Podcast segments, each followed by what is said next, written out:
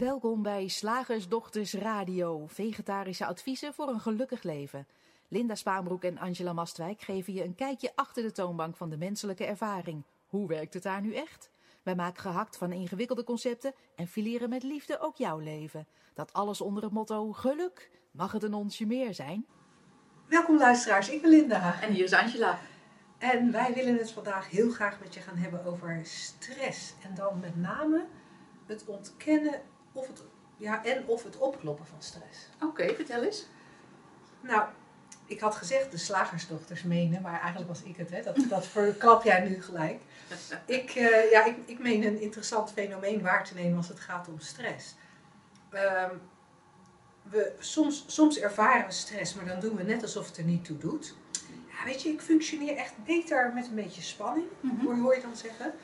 Eh, of we vinden het een ding en, en kunnen dan eigenlijk niet stoppen om ons daarop te focussen. Dan blijven we eigenlijk maar praten over ik heb zo'n stress van dit en ik heb stress van dat. Waardoor wat in eerste instantie gewoon een beetje nerveus genoemd had kunnen worden, eigenlijk door die focus uitgroeit tot een drama van grote proporties met alle lichamelijke gevolgen van dien. En zowel dat opkloppen als dat ontkennen, dat leek mij niet zo handig Nee. Doorzien van wat stress nou eigenlijk is, leek me wel handig. Dus ik dacht, ook al hebben we al vaker het over stress gehad, laten we het er toch nog een keer over hebben. En eh, nou ja, wie weet kunnen onze luisteraars met ons meekijken of er iets nieuws te zien is. Ja, want inderdaad, het lijkt zo van, oh ja, same old, same old. Eh, gaan ze het weer over stress hebben. En, eh, en, en toch hè, is, er, is er in elke conversatie wel iets, misschien een woord wat gebruikt wordt wat we nog niet eerder gebruikt hebben. Of realiseer je ineens, oh, dat doe ik met mijn angst, met mijn fysieke pijn. Dat doe ik met eh, de opvoeding of, of eh, weet ik veel.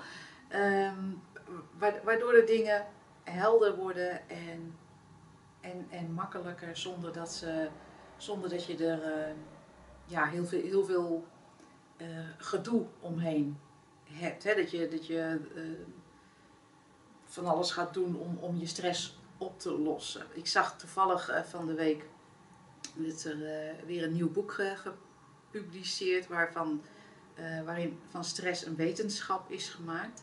En waarin heel uitgebreid wordt beschreven van hoe je het oplost. En, ik, en, en dat bleek ineens, ja, je zal het niet geloven, maar dit was voeding en supplementen.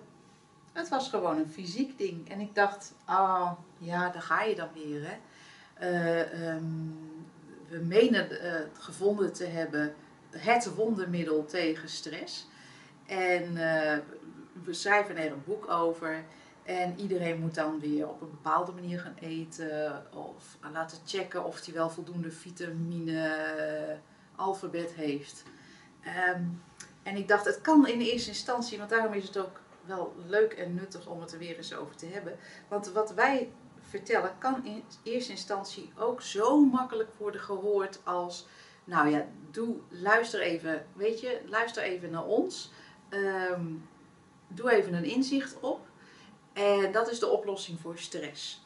En dat is, daar, daar, zit, daar zit iets interessants in. Want ja, aan de ene kant, het ligt absoluut op tafel ehm, om, om weinig tot geen last meer te hebben van stress. Als je enigszins gaat, gaat inzien wie je bent en hoe de menselijke ervaring werkt. En aan de andere kant, wij zeggen niet, doe dit en dan zul je. Of ehm, je moet stress op een bepaalde manier eh, aanvliegen. Of ehm, dit, dit is, inzicht is de oplossing voor stress. Want dat kan heel makkelijk gehoord worden. En dan ga je weer net zo makkelijk als dat je ehm, de, juiste supplementen neemt en de juiste voeding. En dat je toch nog stress hebt, dan kan je het weer heel makkelijk aan de kant gooien naar die drie principes. Die, die werken ook niet, want ik heb nog steeds stress. Dat geeft niks, maar er is er nog iets anders te zien. Ja, en, en waar ik aan moet denken, en dat is waarschijnlijk niet waar jij naar probeert hebben, waar, eh, niet het opmaatje wat jij maakte, maar daar komen we zo meteen op terug. Wat ik interessant vind als ik naar je luister, is dat als we er op die manier naar kijken, dan, of naar, ja, naar kijken, dan lijkt stress ook een heel echt ding. Ja. Zoals ook een eetstoornis een heel echt Ja. ding lijkt. Zoals een depressie een heel echt ding lijkt. Zoals een angststoornis een heel echt ding lijkt. We, we maken er op die manier, in dit geval van stress, maar nogmaals, hetzelfde geldt voor die andere dingen die ik net noemde, alsof het een solide ding is, Mhm. wat we als het ware bij ons op het hakblok kunnen leggen en wat we in mootjes zouden kunnen Ja. hakken. Maar zo solide is het niet. Nee. Zo praktisch is het dus ook niet. Het is, het is niet tactiel. Het, het is stress, maar ook depressie en ook een angststoornis en ook een eetstoornis. En zo kunnen we er nog wel een aantal opnoemen. Het is eigenlijk een concept. Ja. Het is eigenlijk een hele serie van kenmerken Mhm. waarvan we gezegd hebben, oh, als, als, als die kenmerken er zijn, dan noemen we dat stress. En dan zijn al die losse kenmerkjes bij elkaar, zijn ineens een ding wat opgelost moet worden. Ja. En waar we dan helemaal aan voorbij gaan, is dat zowel de stress, de angststoornis, de eetstoornis, de, de, de, de, de, de, de stress, dat het eigenlijk altijd denken is dat een bepaald gevoel oproept. Ja. En we denken maar, zeker bij stress, we denken maar dat het komt door iets buiten ons. Ja. We denken dat we stress krijgen omdat we met ons hele gezin thuis moeten werken en, Ja. en school moeten doen. En, en, en, en zelfs nog, nog net iets andere aanvliegroute of net iets verder hierop voortbedurend. We denken dat stress iets is wat wij hebben. Ja. ja, dat is ook leuk. Alsof, Ja. alsof, alsof het een soort pakketje is Ja. dat je meesleept in een rugzakje. Ja. Het is hooguit iets wat je ervaart. Maar zelfs dan nog is het super interessant om te kijken wat. Ja, eigenlijk zouden we dat, dat, dat stress als concept even op het hakblok moeten doen. Ja, Ik weet dat we nog niet bij het Nou, hakblokgedeelte van deze uitzending zijn. we, we draaien gewoon moeiteloos de hele uitzending om. Hup, stress op het hakblok. Ik maak wel even het geluid erbij. Want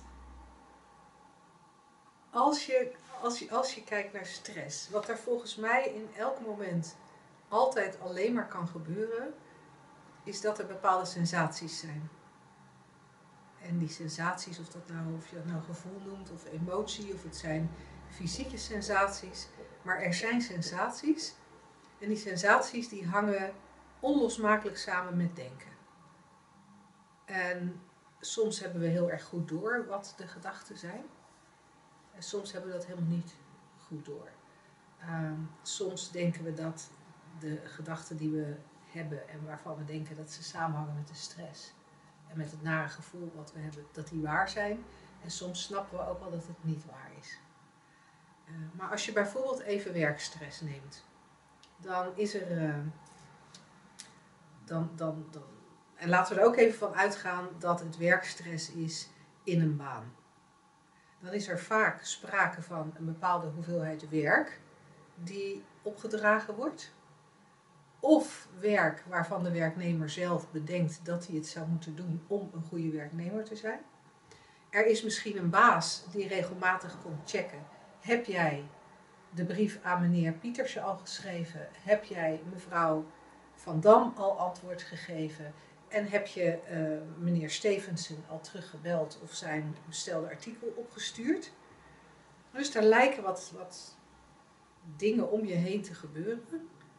En, en daar zijn gedachten over. Ja, shit man, ik heb helemaal geen tijd om Pieters ook nog eh, te bellen. En bovendien, als je Pietersen belt, ik weet niet of jij Pietersen wel eens gebeld hebt, maar die man die is zo lang van stof. Ja, je zit drie kwartier met hem aan de lijn en daar heb ik dus geen tijd voor, want ik moet ook dat andere taakje nog afmaken. En als ik dat taakje nu niet afmaak, dan heb je best kans dat bij het beoordelingsgesprek volgende week ik toch weer opnieuw een minder goede beoordeling krijg dan ik eigenlijk waard ben. Of dat mevrouw van Dam belt, dan ben je nog verder van huis. Om maar wat te noemen. En, en dat type, dat type gedachte, dat, roept, dat, dat wordt door het bewustzijn geanimeerd. En dat is niet iets wat je tegen hoeft te houden. Daar hoef je niet tegen te vechten. Maar het is wel handig om te zien dat het gebeurt. als er een bepaalde gedachtenstroom is, dan animeert het bewustzijn daar sensaties bij. Soms krijg je klamme handen, soms krijg je hoofdpijn, soms krijg je het een beetje benauwd, soms krijg je alleen maar een bozig, een bozige emotie of een iets bangere emotie of een opgejaagde emotie. Wat het ook is, maakt eigenlijk niet uit. Maar dat is altijd het enige wat er echt aan de hand is. Er is denken en er is bewustzijn dat er een gevoel en een sensatie bij maakt. Ja. Alleen wat gebeurt er? Wat zijn wij gewend? Om het te koppelen aan meneer Pietersen, de baas, het beoordelingsgesprek, het werk in zijn algemeenheid. Dat hele verhaal. En eigenlijk gaan we dan gewoon veel te ver. Ja. En, en wat er ook vaak aan vasthangt is, en dat is logisch, want zo, ehm, zo wordt dat wel veel gecommuniceerd. Er wordt ook heel veel betekenis gegeven aan stress. Van nou ja, het mag niet, of het mag een beetje, of het mag alleen als het, eh, als het, eh, als het gezonde stress is. Hè? Dat noemde jij in het begin al.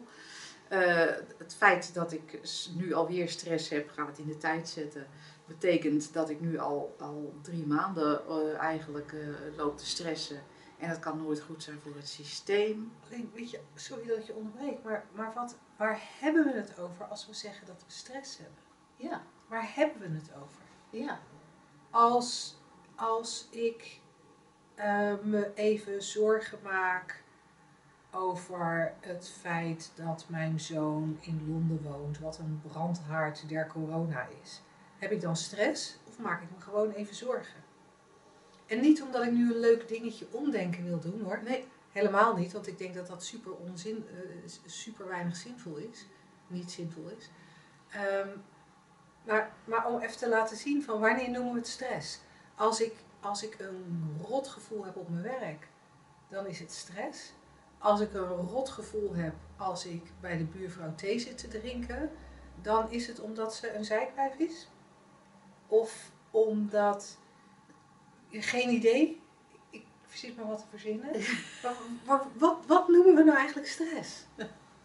Ja, het is zo arbitrair als de, als de, als de pest. Want het hele, het hele ehm, concept of idee is natuurlijk gewoon weer één van de vele concepten en ideeën ehm, eh, die ja, ooit zijn bedacht als verzamelnaam voor, voor, een specifiek soort ervaringen. En dan moet, je, moet het eerst nog eens zijn over welk soort ervaringen, welke, ehm, welke specifieke gedachten, welke specifieke hormonen daardoor eh, worden aangestuurd, welke specifieke fysieke bijverschijnselen dat, eh, dat kan hebben. Hè? Want de een gaat, gaat, gaat eh, zo zitten bij een verkramping en de ander krijgt pijn in zijn buik en een derde gaat zweten of trillen of weet ik veel. En dat gaan we dan allemaal nemen, dat is allemaal stress. Het is. We willen het maar benoemen om het vervolgens te bestrijden. Terwijl als we het gewoon kunnen zien voor wat het is, alles, alles. Dus niet specifiek stress, maar gewoon alle ervaringen, alle sensaties, alle gevoelens, alle lichamelijke dingen. Alles, als dat alleen maar een ervaring is. Wat geen eens een naam hoeft te hebben. Nee, want als ik zo naar je zit te luisteren, dan denk ik, zou daar niet een heel deel van de ongewenste ellende mee beginnen? Ja, Jij, jij reist vrij veel met de trein en ik heb jou ook wel eens horen noemen dat het bijna modern lijkt om het woord stress in je mond te nemen. Ja. Dat in de tijd dat de treinen nog gewoon eh, vol zaten met scholieren, dat je echt geen gesprek kon horen van jonge mensen of het ging over stress. Ja, alsof het ook een soort vastgegrepen wordt als, als, een, als een interessant iets om, om te hebben of een irritant iets om te hebben. Is gewoon maar afhankelijk van wat er op dat moment eh, een leuk idee lijkt. Oh ja, maar dat is zo'n stresscup, vreselijk. Of, ja, of juist heel interessant gaan zitten doen van, nee, maar ik, eh, ja, ik ben dus echt, ik, ik kan het niet handelen hoor. Als, eh als Pietersen dan weer eh, drie opdrachten geeft, dan, dan zit ik gelijk, schiet ik helemaal in de stress. En waar hebben we het dan over? Waar hebben we het over? Ik denk dat we het altijd alleen maar hebben over een ongewenste sensatie. Ja, Er is een, er is een, nogmaals, een gevoel, en of dat nou fysiek is of meer emotioneel, of Het maakt geen bal uit. Maar er wordt iets ervaren wat, als, wat, wat door degene die het ervaart als onprettig wordt gelabeld. Ja, that's it. En dan is er verzet. Of juist heel erg eh, interesse daarin en, Ja. en, het, en, het, en, het, en er helemaal mee aan de haal gaan als, oh ja, identificatie of zo. Je wat ik ook ineens afvraag, Ja. zou wat, wat de een stress noemt, zou de ander dat bijvoorbeeld verdriet noemen? Oh, zou kunnen. De een zegt ik ben echt heel erg gestrest, en dat de ander bij, hetzelfde, bij dezelfde sensatie zegt ik ben eigenlijk heel verdrietig. Ja, of een, een, een derde zegt van, ik voel nu het gewicht van zeven generatie vrouwenonderdrukking op mijn schouders. Ja, ik gooi hem er maar even uit. Ja. We weten het eigenlijk niet, hè? En moeten we het weten?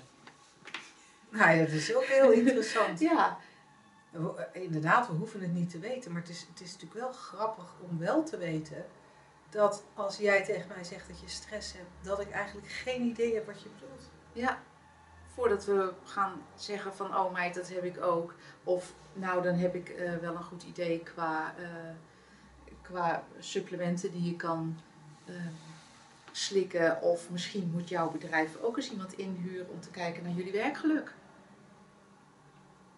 Kunnen ze de slagersdochters voor inhuren? Ja, sorry als ik hiermee een paar branches misschien eh, overbodig probeer te maken. Dat is niet de, niet de insteek. Maar wij gaan heel graag terug naar de eenvoud, opdat dat namelijk, ehm, ja, ik zou bijna zeggen, dichter bij de waarheid is. Alles, we hebben zoveel verzonnen, zoveel conceptueel gemaakt, zoveel in tijdslijnen gezet, zoveel in eh, in, ehm, in, in mallen gegoten, zou ik bijna willen zeggen. En we geloven er met z'n allen in. En, en leven dan gebaseerd op dat geloof. In een wereld van fixen en bestrijden en oplossen of lijden. Ja, en, en wat ook in me opkomt, zou, zou het ook kunnen zijn dat we, ehm, dat we eigenlijk meer lijden ervaren omdat we niet alleen gedachten hebben over de dingen die we als onprettig ervaren, maar dat er ook heel veel denken is over nou, dat, dat on- onprettige dingen ervaren niet mag, Ja. maar ook dat je er wel in moet blijven omdat je ermee moet, moet kunnen dealen. Ehm, dat als je een, een werken wat je eigenlijk niet zo leuk vindt, dat je dan niet weg kan van jezelf, dat je dan niet weg mag van jezelf. En dan komt er een heel verhaal, Oh. waardoor je blijft zitten in een situatie die eigenlijk die, die je gewoon niet prettig vindt. Waar je gewoon net zo goed eh, iets anders voor in de plaats kan zetten. Ja, dat kan inderdaad een beweging zijn. Dat je, dat je jezelf met het idee van, maar ik moet dit toch kunnen handelen, blijft zitten. Ja. Of vaak zie je het ook andersom, dat mensen denken van, nou ja, dit, ligt aan het werk, ik neem ontslag. En dan ga ik ergens anders, maar omdat ze niet zien dat het alleen maar een ervaring en denken is. eh, dat, dat, je, ja, dat je in de volgende baan exact hetzelfde weer krijgt, omdat je dat niet doorzien hebt. Dus het is wel grappig dat we allebei met een andere ehm, ehm, aanvliegroute komen van de, de mens gebaseerd eigenlijk op het misverstand dat stress iets is. Ja. Ehm, dat je of blijft zitten en van ja, ik, moet hier, ik moet hier toch tegen kunnen, of ik moet. eh, of je hop van, van, van, van, van hot naar haar, van, van zoektocht naar, naar, naar dingen, maar altijd in een poging iets op te lossen wat in essentie niet bestaat. Of, zo vluchtig is als de pest, ook al lijkt dat niet zo. Want ja, eenmaal serieus genomen, eenmaal geconceptualiseerd. Nou, want dat is een interessante die, wat je daar zegt. Dat het veel vluchtiger is dan we denken, hmm, dan we doorzien. Ja, En, en doordat we de vluchtigheid er niet van herkennen, dus dat we niet herkennen dat er eigenlijk in elk moment weer een nieuwe ervaring is, of de, in ieder geval de potentie voor een nieuwe ervaring, maar dat, dat, dat, dat die focus heel erg gaat naar dat wat als onprettig ervaren wordt. Het lijkt haast wel alsof het daardoor langer in stand blijft dan wanneer je de vluchtigheid ervan ziet. Ja, en dat, en dat, is, dat is natuurlijk logisch. Als ik, stel dat ik jou een appje stuur met, eh, oh, ik heb het echt, echt, nou ja, dat is een verkeerd voorbeeld, wij onderling, maar stel even. Ja, maar we doen even net. We doen even net. terug. Ja, ik stuur jou een appje. Oh meid, ik heb echt zo'n ongelofelijke stress. Moet je horen. En dan vertel je mij het verhaal. Ja. En dan ga ik met jou het verhaal in. Ja. Dat is wat we doen. En waarschijnlijk probeer jij, want jij bent dan een goede vriendin, of je probeert een beetje gewoon achter te luisteren. En ah meid, het valt allemaal misschien wel mee. En misschien slaap er een nachtje over. Misschien denk je er morgen anders over. Of ik heb een heel goede, goede, goed, goed boek voor je. Of misschien moet je die supplementen eens proberen. Je moet nu echt naar de psycholoog of psychiater, want het gaat niet goed met je. Eh, ik denk dat je iets in je leven moet veranderen. Nou ja, de mogelijkheden zijn eindeloos. Ja. Maar de essentie daarvan is, jij gaat in het verhaal mee, zoals Ja. jij zei. Stuur ik jou een appje met, nou meid, ik, moet, ik, ik, ik kan nauwelijks appen. Zo, zo hard moet ik lachen. Moet je nou horen? Ik vertel een verhaal waar, waarom ik moet lachen. Nou, jij Dan moet ik misschien vriendin. ook lachen Ja, misschien moet jij ook lachen. Of Maar- je denkt, nou, ik zie de lol er niet van in. Maar meid, leuk dat je het leuk hebt. Maar er is niets in jou wat waarschijnlijk een psychiater adviseert. Een, een, een, een pil. Nee, maar er is eh, zelfs niets in mij dat mee jouw verhaal ingaat. Nee, je hoort het aan en je denkt, nou, ja, cool. Ja, lachen. Ja, inderdaad. lachen. Grappig. Ja. Ja. Punt. Klaar. Ja. Dat is ook fascinerend. Mhm. En, en, en als we dan even teruggaan naar de titel van, van deze, eh, deze, deze aflevering. Hè? Eh, stress ontkennen of eh, negeren hadden we geloof ik. Want dat, nou, dat, dat was nog iets. Ik, ik weet niet eens wat de titel was. Anyway. Ontkennen Op of opblazen of zo. Oh ja, op het moment dat, dat jij komt met een verhaal. Nou echt, dit is zo onwijs komisch. En ik ga niet mee in jouw verhaal. Dan ben ik het niet aan het ontkennen. En ik ben het ook niet aan het, aan het opblazen of daar extra Nee. op aan het focussen. En dat is dan helemaal oké. Op het moment dat jij bij mij komt met een verhaal. Oh, het is zo vreselijk en dit is er gebeurd en dat is er gebeurd en ik heb zo'n ontzettende stress. Als ik dan zou reageren met oh, dat vinden we dan raar. Ja, gek? Dan vinden we dat ik, dan, dat ik, met, dat ik iets met het verhaal moet. Ja.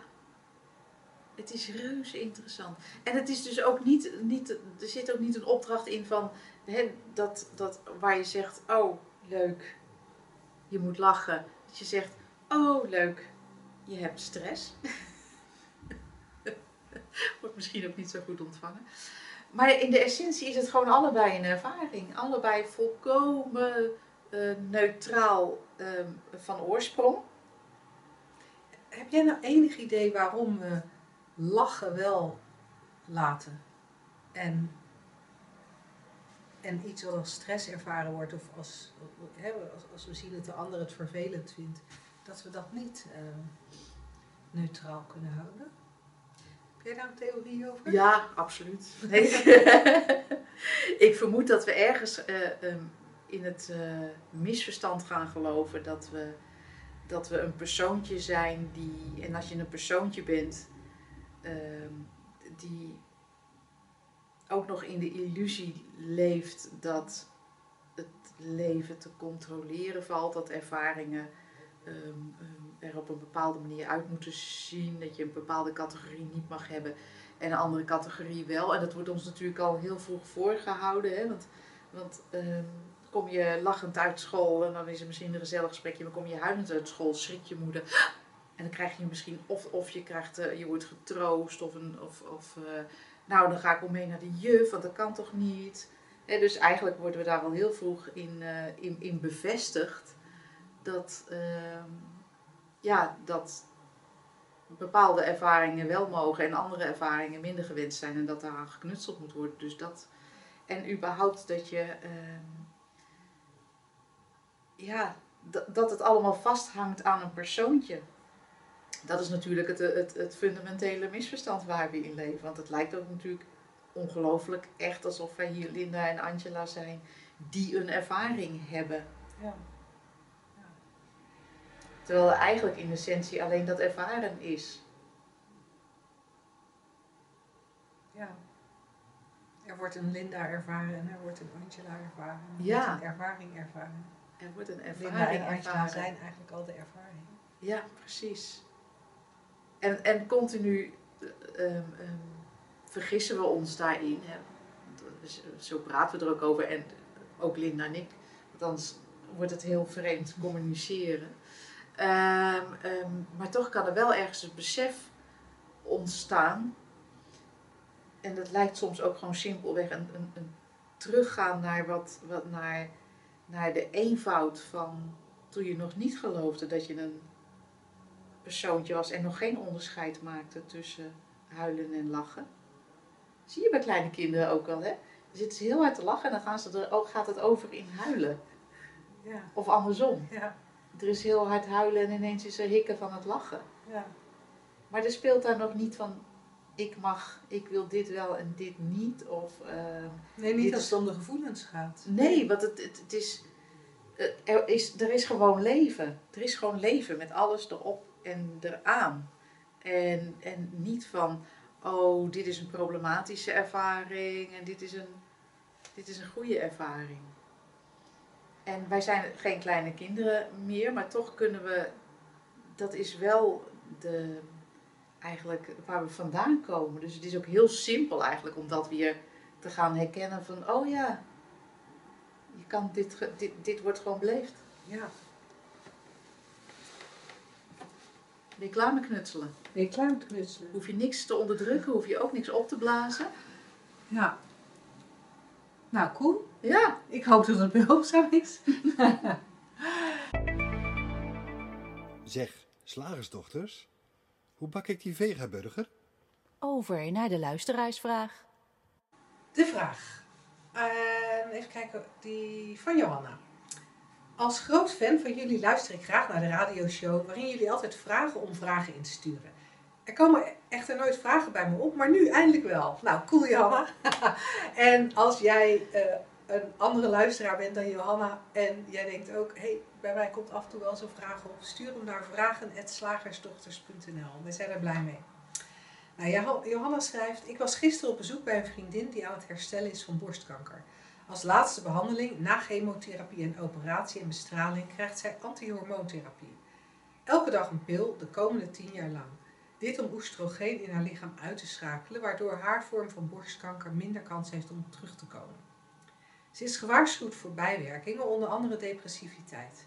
En inderdaad, na een week werd zij wakker en was lusteloos, had nergens zin, zin in, alles waar zij zich voorheen op kon verheugen, bijvoorbeeld bezoek van haar zoons, gezellig weer samen eten, liet haar koud. Een heel neerslachtig zwaar gevoel ging overheersen. Ze dacht aan de komende tien jaar. Als dit zo tien jaar mijn stemming gaat zijn, dan maar liever niet hormoontherapie, dan maar een grotere kans dat het terugkomt. Mijn vraag, is, eh, mijn vraag gaat daarom over hormonen en stemmingen. Ook bijvoorbeeld in de overgang. In hoeverre zijn die met elkaar verbonden? Is dit biologisch? Heb je daar zelf geen deel in? Of spelen gedachten in zo'n geval toch ook een rol? Leuke vraag. Oh, dat is een fantastische vraag. Echt, er komen duizend dingen borrelen er in mij op die, eh, die over gezegd kunnen worden en die misschien verhelderend kunnen zijn. En ik wil heel even beginnen, even een opmaatje, met ehm, de vraag: is het dit of spelen een gedachten een rol? Daar kunnen we altijd een eenduidig antwoord op geven. Elke ervaring bestaat uit denken en bewustzijn in samenspel met, eh, met leven. Dat even als uitgangspunt. Ja, en daarnaast wilde ik nog even een disclaimer. Ja, Dat wij beantwoorden deze vraag op basis van het inzicht dat wij hebben in de werk in de totstandkoming van menselijke ervaring. En er zit in wat wij zeggen nooit een voorschrift. Geen enkel voorschrift. Er zit geen enkele leidraad voor het leven in. Nee. Dus, en zeker geen medisch advies. en zeker geen medisch advies. Dus hoor dat er alsjeblieft niet in. Eh, het is wel een supercoole vraag om over te mijmeren, omdat er denk ik heel veel aspecten, verschillende aspecten Ja, eh, aan bod kunnen komen door deze vraag, die, die, die hartstikke leuk inzicht kunnen trekken bij onze luisteraars en misschien bij onszelf ook nog wel weer tot nieuwe inzichten leidt. Eh, maar nogmaals, geen medisch advies en eh, ge- helemaal geen advies. Dus doe vooral waar je zin in hebt en wat, wat goed voelt voor jou. of wat je denkt dat een, eh, dat een, dat een prima leidraad is. Als je, jij zei daarnet al van als opmaatje van eigenlijk alles is denken in bewustzijn. En daar zit voor mij een heel interessant onderscheid in eh, dat we zouden kunnen maken bij deze vraag. Is dat als je kijkt naar de drie principes en naar het inzicht dat de drie principes bieden, of dat waar de drie principes naar verwijzen, dan zeggen wij ook wel eens van daar kun je eigenlijk een, een meer psychologisch, psychologische laag in herkennen en een diepere, meer spirituele laag.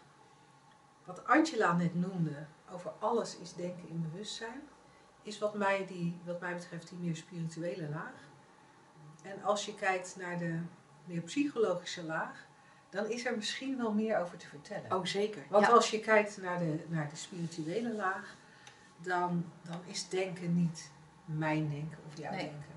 Nee. Dan is er het denken. Dan is er een eenheid, een bron, een stilte, een ruimte, Ja. een Een energie, niets. een, een niets of een iets. En, en van daaruit wordt ervaren gecreëerd. En het ervaren dat gecreëerd wordt, wij gebruiken heel graag de metafoor van de drie principes. Wij zeggen dan die drie principes creëren daar, of door middel van de drie principes wordt vanuit die eenheid of dat niks of dat alles, wordt via de drie principes ervaren gecreëerd. En dat ervaren, dat bestaat inderdaad uit gevoelens, maar het ervaren bestaat ook uit dit lijf Ja. dat ervaren wordt. Het, de, de identiteit Linda die ervaren wordt. De kamer waar wij in zitten die ervaren wordt. Het hondje dat ervaren wordt. Het licht dat ervaren wordt. Het weer dat ervaren wordt. De andere mensen die ervaren worden. Dat ervaren omvat alles. Ja. Er is niks wat buiten de ervaring valt. En als je er op die spirituele manier naar kijkt, dan is dus ook ehm, het al dan niet somber worden een ervaring. En, en niet een ervaring waar we een oordeel over moeten hebben of kunnen hebben. Het is alleen, hé, hey, er is levensenergie, mind, thought en consciousness. En dat creëert de ervaring van een depressie. Het creëert de ervaring van een lijf met kanker. Het creëert de ervaring van twijfel. Zal ik het een of zal ik het ander doen? En het enige wat we kunnen herkennen is dat er in die vorm die ontstaat, in die ervaring die ontstaat, altijd in elk moment ehm, dat, dat ervaren super veranderlijk is. Eh, daar, daar, daar zit eigenlijk geen rhyme and reason in. Die zoeken we altijd wel. We zoeken naar patronen, we zoeken naar logica. Maar eigenlijk is die er niet. En als de ene vorm van logica bedacht is, dan, is dan komt er even later weer een andere vorm van logica die het bestrijdt, die het eerdere standpunt bestrijdt. En we zagen dat laatst eh, ook, dat er een artikel gepubliceerd was over dat er een nieuw onderzoek is gedaan naar eh, de hersenen en, en Oh ja. de plekken waar depressiviteit en andere eh, geestelijke aandoeningen vindbaar zijn in de, in de hersenen. En nu is er uit onderzoek gekomen, ja, die hersenen die zijn eigenlijk zo bewegelijk en zo veranderlijk. Daar is, die, die MRI-scans kunnen eigenlijk helemaal niks meten. Dus we, hebben- kunnen daar eigenlijk niks over zeggen. Nou, dat veranderlijke, wat dan, ja, waar, waar je ziet dat wetenschap super veranderlijk is, maar ook dat de wetenschap aangeeft dat bijvoorbeeld die hersenen zo veranderlijk zijn. Voor mij zijn dat aanwijzingen over de veranderlijkheid van alles. En omdat alles zo veranderlijk is, ja, kan, kan, kan er een ervaring ontstaan waarbij er een verband lijkt te zijn tussen hormoonmedicatie en depressiviteit. En kan dat net zo makkelijk veranderen. kan Ja. dan net zo makkelijk het volgende moment anders zijn. Kan net zo makkelijk het verband er helemaal niet zijn. Eh,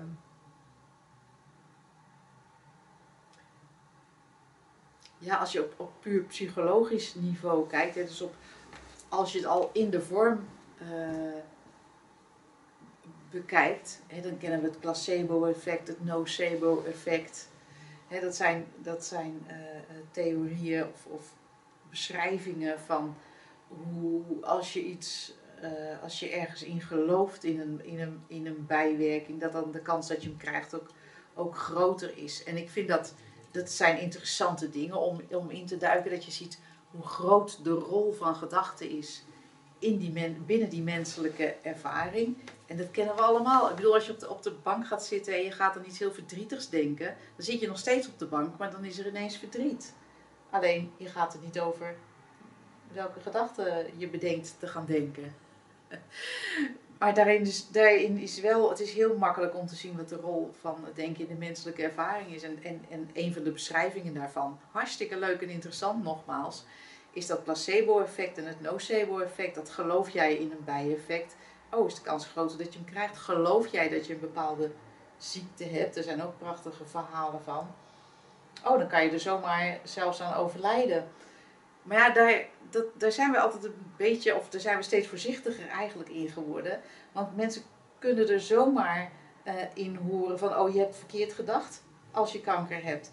Oh, je moet maar gewoon heel positief denken, dan verdwijnt het wel. Of dan heb je geen last. Of je moet die bijsluiter niet lezen, dan heb je er ook geen last van. En dat is nooit, weet je, dat zijn conclusies die wij niet, eh, niet zullen trekken. Alleen als je kijkt naar dat persoonlijke, psychologische, die inhoud van die gedachten.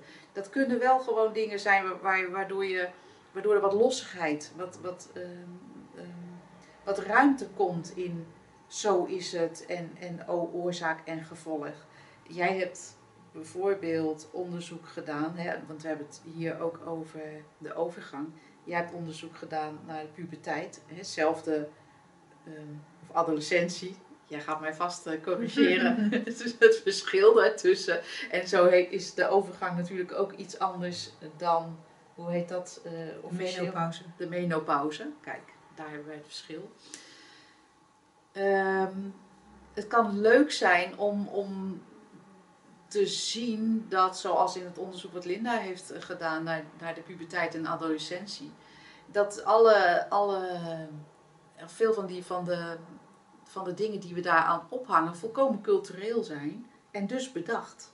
Behorend bij een bepaald, eh, eh, be- bepaalde cultuur. En een cultuur is niets anders dan een verzameling concepten waar we met z'n allen in geloven. In de westerse cultuur moet je, of in, in, in de oosters, in, in, in, in, in het Verre Oosten doen we dat zo. Maar dat is dus he- ook met die overgang en ook met.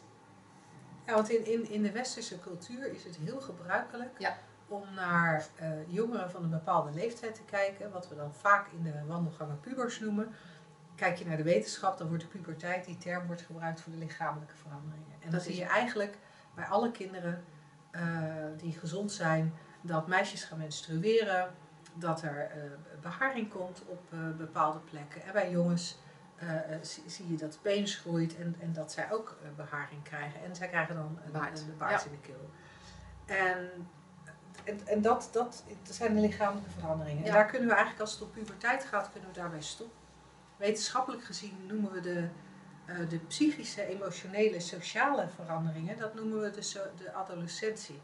En het interessante is dat die adolescentie, daar hebben wij in de westerse wereld van alles aangeplakt. En in Nederland is het tegenwoordig heel erg modern om te zeggen, nou ja, en wij noemen het dan pubers, maar we verwijzen naar de adolescentie. Adolescenten zijn eigenlijk echt, dat is zo moeilijk. Die puberteit is zo'n Ja. moeilijke tijd, adolescentie. Ja, altijd zo maar dit is ook het brein, hè? En dan gaan we dat soort dingen zeggen. Onderzoeken. En als je. En, maar het is een cultureel ding. Ja. Want er zijn heel Het veel geloof. culturen waar adolescentie niet bestaat. En datzelfde kwam jij een tijdje terug tegen in de krant. Ja, de, de menopauze, tuurlijk. eh, ik zeg tuurlijk, maar voor zover wij weten, in alle culturen stoppen vrouwen op enig moment met menstrueren. Mhm. Het fysieke lijkt hetzelfde over de culturen als het om dit soort dingen gaat. Ja. Maar de overgang en wat wij daar in de westerse wereld allemaal aan vastplakken. Ik begreep tegenwoordig ook dat je je, je, je, je verliest je silhouet, zag ik bij op een reclame op tv. En, eh, maar daar kan je gelukkig dan weer pillen voor slikken. je, Gisteren had ik hem nog. Gisteren had ik hem nog. En nu is hij weg, hè? Ik ben gewoon mijn silhouet verloren. En eh, je schijnt ervan aan te komen en je schijnt er uh, opvliegers van te krijgen. En je schijnt je vervelend te voelen en zagrijnig en nou ja, van alles, van slecht slapen, van alles, van alles, van alles. Al die klachten schijnen voor te komen bij westerse vrouwen. Maar als jij een Arabische vrouw bent, zelfs als jij een Arabische vrouw bent en je woont in Nederland, dan, dan wordt huisartsen aangeraden om als een Arabische vrouw komt met dat soort klachten, om vooral verder te zoeken, want Arabische, bij Arabische vrouwen komt de overgang niet voor. Nou ja, echt, dan, dan, dan zie je al hoe, hoezeer dit samenhangt met geloven in een bepaald concept. En, en dat, dat dan ook bewezen zien. Nou, gaan we terug naar de vraag van Johanna, die, die, die, die, het effect van pillen op hoe je je voelt. Dan, dan, zou, dan zou dat kunnen. Ja. Dat, het, dat dat klopt, dat er in de vorm iets gebeurt. Hè? Als, je een, een, als ik een mes neem en ik snij met dat mes over mijn huid, dan, dan dat splijt de huid open en gaat het bloeden. Ja. Dat is een effect. Het zou best kunnen zijn dat er inderdaad een stofje in zit wat invloed heeft op die chemische huishouding van dat lijf, waardoor, waardoor er dingen veranderen. Maar het kan net zo goed, en daar kunnen wij geen uitspraak over doen, dat het al genoeg is om te horen dat je depressief raakt van pillen, om er depressief van te raken. En niet om te zeggen dat jouw vriendin dus het verkeerd doet. Nee, zeker niet. Maar dat, dat is hoe het, hoe het systeem werkt. Ja. Als, ook, laatst las ik ook weer een, een onderzoekje en dat had dan te maken met, uh, ik geloof ADHD, hè, daar heb je natuurlijk ook allerlei uh, pillen voor, dat, dat een placebo uh, bij een groot deel van de kinderen hetzelfde, hetzelfde effect had. Ja. Als, en dan, ja, het is, het, is, het is fascinerend gewoon. Ja. Ja, of dat je, dat je ADHD hebt en dan paar jaar later dan onderzoeken ze je en dan heb je het niet. Maar je hebt al, Ja. al die tijd die pillen geslikt. Komt, komt ook voor. En wij, nogmaals, zoals Linda al zei, wij zeggen niet dat je wel of geen pillen moet slikken. Daar gaat het helemaal niet om. Maar word, er- word er eens nieuwsgierig naar. Want dat, dat kan zoveel ehm, ja, ruimte opleveren als je minder gaat geloven. En dan niet in iets anders gaat geloven. Van, oh, eh, ehm, eerst dacht ik dat het wel werkte en nu geloof ik dat het niet werkte. Maar het is meer een beweging naar het niet, niet weten of zelfs niets weten. En dan maar eens kijken wat er opkomt, wat er wil gebeuren, wat, waar, je, Ja. waar je naartoe beweegt. Ja, en misschien als, als ik dat in andere woorden nog even mag herhalen. Een soort weten dat alles losser is dan Ja, je dacht. ja Alles. alles. Tijd is losser dan je dacht. Eh, eh, eh, je lijf is losser dan je dacht. Ja. Letterlijk. Het, het effect van voedsel op je lijf is losser dan je denkt. Ik, ik eet zelf bijvoorbeeld graag glutenvrij. Ja. En dan, en dan denk ik dat ik minder buikpijn heb en een minder opgeblazen gevoel als ik geen gluten eet. Mhm. En heel vaak lijkt dat verband zich ook te bewijzen. Maar toevallig heb ik gisteren een volledig pak Oreo's opgegeten. Wat ik nooit doe. Maar dat heb ik gisteren wel gedaan. Nergens last van gehad. Dus, dus dan zie je ook alweer, ook in die hele kleine dingen, het is zoveel Ja. losser dan we denken. Ja. Maar gaan we erin geloven, dan maken we het eigenlijk in alle onschuld vaster. Dus ons, onze uitnodiging is niet van ga ons geloven of ga iets anders geloven. Maar ga er gewoon vanuit dat niets van zichzelf waar is. Kijk daar gewoon eens, word er eens nieuwsgierig. Ja, en, naar. en, en wat ik dan nog als extra, ik ga toch een tip geven. Ja, ik- dat kan Eh, dit was al bijna een advies wat Ja. jij deed. Ehm, wat, wat ik altijd leuk vind om erbij te zeggen, is dat als je een beetje nieuwsgierig wordt naar, hey, is het losser? Klopt het dat dingen niet per se waar zijn? Ehm, het is heel erg behulpzaam om dan te kijken naar waar je kunt herkennen ehm,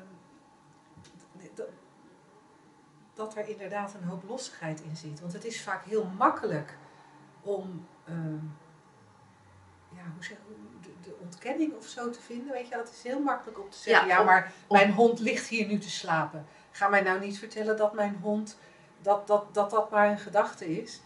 Dat, daar waar je het totaal niet kan zien, of dat wat er heel vast voor je uitziet, die bewijzen zijn altijd wel te vinden.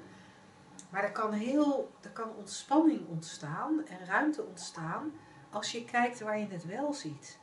En dat zou bijvoorbeeld bij zo'n voorbeeld als wat ik net noemde over, over dat ik dan gisteren een paar koekjes heb opgegeten en dan is niks aan de hand. Hè? Ja. En, en zo heb jij als luisteraar misschien ook wel voorbeelden dat je herkent, oh ja, ja, het ene moment denk ik dat het echt verschrikkelijk is dat ik gescheiden ben voor mijn kinderen. En het volgende moment denk ik, oh het is eigenlijk heel fijn voor ze dat papa en mama niet meer samenwonen en geen ruzie meer maken. En het ene moment eh, eh, denk je dat patat het lekkerste voedsel ter wereld is. En het volgende moment denk je, get voor patat. Ja. Nee, zeg helemaal geen trek in. Daar zie je die veranderlijkheid in. Ja. Of net toen ik even in gesprek was met die, met die ene vriendin, of verdiept was in, die, in, die, in, dat, eh, in dat boek. Waar was mijn depressie toen? Ja. Oh, even niet, dat was even niet in het bewustzijn. Ehm, nou ja, dat soort, dat, soort, dat soort kleine dingetjes. En het is altijd een teruggaan naar eenvoud, naar geen geloof, naar openheid en vrijheid.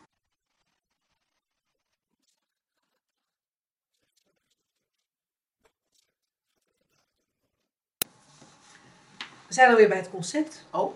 En dit eh, concept is toegestuurd door Monique, die vorig jaar bij ons eh, de opleiding tot facilitator heeft gedaan. En eh, Monique schreef dat ze een onwijs leuk concept was tegengekomen. Je moet je angst wel de baas blijven. Oh, ja nee, want stel je voor dat hij jou overneemt. Dat had ik op, op, op mijn werk al, kwam er zo'n zo'n net afgestudeerd piepeltje binnen. En voordat je het weet, hoofd van een afdeling. Ik had dat gewoon echt veel eerder daar bovenop moeten gaan zitten. Nee, niet letterlijk, maar gewoon een beetje alert blijven. Jij gaat mij niet de baas worden, jongeman. Ik hou jou scherp in de gaten en ik zal zorgen dat, dat ze eh, op het hoofdkantoor weten dat ik toch net iets scherper ben dan jij en meer ervaring hebt. Zo, maar ja, best te laat. Nou, ik vind nu wel dat jij een beetje al onze luisteraars met veel angst een klein beetje, een klein beetje zit uit te lachen hoor. Want je zal maar angst hebben. Ja, dat is hartstikke vervelend. En dan geef je mensen het goede advies dat je die angst de baas moet blijven. En dan ga jij daar een beetje over zitten gaan lachen. Ja, nee, het is, het is echt dramatisch. Angela, in de hoek. In de hoek. Wordt die, die, die ehm, vrolijkheid nou eens de baas? Ja, Ja, je kan dat niet maar overal tentoonspreiden. Je moet dat een beetje onder de duim houden, een beetje doseren, een beetje weten waar het wel en niet kan en wanneer het wel en niet kan. Kortom, ik ga een boek schrijven, Je vrolijkheid de baas. dat doet me er ineens aan denken. Volgens, ik, ik vermoed dat er een boek is, Je angst de baas of zo. Of Je Oh, dat stress denk de ik baas. ook wel. Er zijn vast boeken over geschreven. Ja. Nee, waarom wij daar natuurlijk een beetje over zitten te grappen, en, en dat is ook waarom het leuk is om op, op het hakblok te leggen, omdat het ook dit weer zo'n concept is. Want nou, ten eerste is de vraag, wanneer ben je de baas? Hm. Is dat, ik vermoed dat dat iets te maken heeft met dat je er controle over hebt. Dat denk ik ook. Ik ben Olly's baas en ik word geacht Olly onder controle te houden. Ja. Wat tot op zekere hoogte lukt. Maar als onze luisteraars zouden kunnen zien hoe meneer er nu bij ligt. Schaamteloos gewoon. Ja, echt. Ehm, maar, maar je kan je hond maar dat gaat, dat gaat volgens mij over controle. je kinderen de baas. Dus het ook controle. Ja. Zij doen wat jij wil. Ja. En als je dus je angst de baas wil zijn, dan moet jouw angst doen wat jij wil. Namelijk, niet te vaak opkomen dagen. Niet te- als je opkomt dagen, wel op momenten dat er even niks anders gedaan hoeft te worden. Ja, niet in de auto of zo, dat is onhandig. Nee, of ook niet als je het toneel op moet. Bijvoorbeeld, dat is ook niet handig. Dus eh, dat. Ehm, die angst die ehm, ja, moet eigenlijk een, een, een, eh, die mag maar een bepaalde hoogte hebben. Ja, ja, ja. Ik bedoel, ehm, een beetje trillen vind ik niet erg. Zweten, daar leg ik al een beetje zo de grens. Ja. Ja, en als je, ja. Jij zei dat je trillen niet erg vond? Nee, nee. Oh, dat vind ik juist heel onhandig. Want als Oh, je aan het autorijden, ja, als je aan het autorijden en je been gaat trillen, oh, dan zie je ja. toch een beetje met het gaspedaal Ja, en met die Ja, rempedaal. nou je het. Ja, nou het zegt. Nee, ja. ik, vind dan, ik vind dan zweten beter. En dan, en ik weet niet of je het hoort, maar als je er zo over praat, van, en, en, en dat geldt natuurlijk ook voor verdriet. Of verzin maar iets wat je de baas wil zijn. Dan gaan we, dan gaan we maatstaven bedenken voor wat wel acceptabel is en wat niet acceptabel is. Maar we verzinnen maatstaven over iets wat niks is. We hebben het aan het begin van de uitzending al over stress gehad. En toen noemde ik al eventjes ook, ook angststoornissen. We, we hebben het over... We hebben het niet over iets concreets. Tegen Olly kan ik nog zeggen van... Wacht als we een straat gaan oversteken en dan, dan stopt hij. Maar ik kan tegen angst, omdat dat niet een concreet dingetje is... Ik kan tegen angst zeggen stop. Maar dat gebeurt niet. Niet op het moment dat ik stop zeg. Nee. Nee, en er zitten natuurlijk een paar haken en ogen aan. Want ik kan me zo voorstellen dat iemand eh, die luistert, die veel last heeft van, van angst, het heel erg ehm, zegt van ja, maar je kan wel die fysieke verschijnselen bijvoorbeeld eh, onder controle houden door middel van pillen bijvoorbeeld. Mhm. Of ehm, misschien ademhalingstechnieken Mhm. of ehm, meditatie of zo. Maar Ja, dan- ja, maar, ja, sorry. Ja. Maar, maar dan nog, als we het echt over, over een, een concreet, tastbaar ding hebben, dan zou ik me daar nog wat bij voor kunnen stellen. Maar wat we daar straks bij die stress hebben gezien, het is, het is niks. Het is een, nee, een veranderlijke ervaring in het moment. Een veranderlijke ervaring die we behandelen alsof het een concreet Ja. hondje is. Ja, want het grappige is, zodra je dus zegt van ja, maar ik kan mijn eh, eh, angst de baas worden door een ademhalingstechniek, is, die, is dat ademhalen gewoon een andere ervaring. Ja. En dan zeg jij van, nou zie je, als ik dan maar zo en zo ademhaal, dan heb ik mijn angst onder controle. Ja, totdat dat een keertje niet lukt. Maar dan missen we het feit dat het gewoon steeds een andere ervaring is. En daar zit zoiets cools in, hè? Ja, Dat, dat, eh, en, en ik, merk dat, ik merk dat zo in mijn eigen leven. Dat naarmate ik meer en meer en meer ga zien hoe veranderlijk de ervaring is, dat die ervaringen, ehm, die, je- die, die ook ik nog steeds wel eens label als onprettig of ongewenst, ehm, zoveel sneller weg zijn. Want als je weet dat het een veranderlijke ervaring is, dan doe je ook niet je, dan, dan ga je er niet mee aan de slag. Dan ga je niet Nee. proberen om het de baas te, te blijven. eh, en je gaat niet proberen om te voorkomen dat deze ervaring ooit nog opkomt. Nee, het is als de, de stoom in een pan. Hè? Waarvan je denkt van, oh, dan moet ik het, dan moet ik de... En dat je de deksel er maar ophoudt. Ja. Terwijl stoom is niks, dat is gewoon, gewoon ja, dat, dat, als, je het los, als, je, als je die deksel eraf haalt, dus eigenlijk of alleen gewoon die deksel er niet op doet, verdwijnt stoom in het grotere geheel, zoals elke ervaring ook weer verdwijnt in het grotere geheel van Ja. de ruimte waar ervaringen in opkomen en verdwijnen. En daar zit toch, daar, daar zit een, echt een enorme shift in. eh, qua ten eerste wat het is, ten tweede dat je er niks mee hoeft te doen en ten derde dat ja, eigenlijk degene die er iets aan wil doen ook wel een gedachte is. Ja.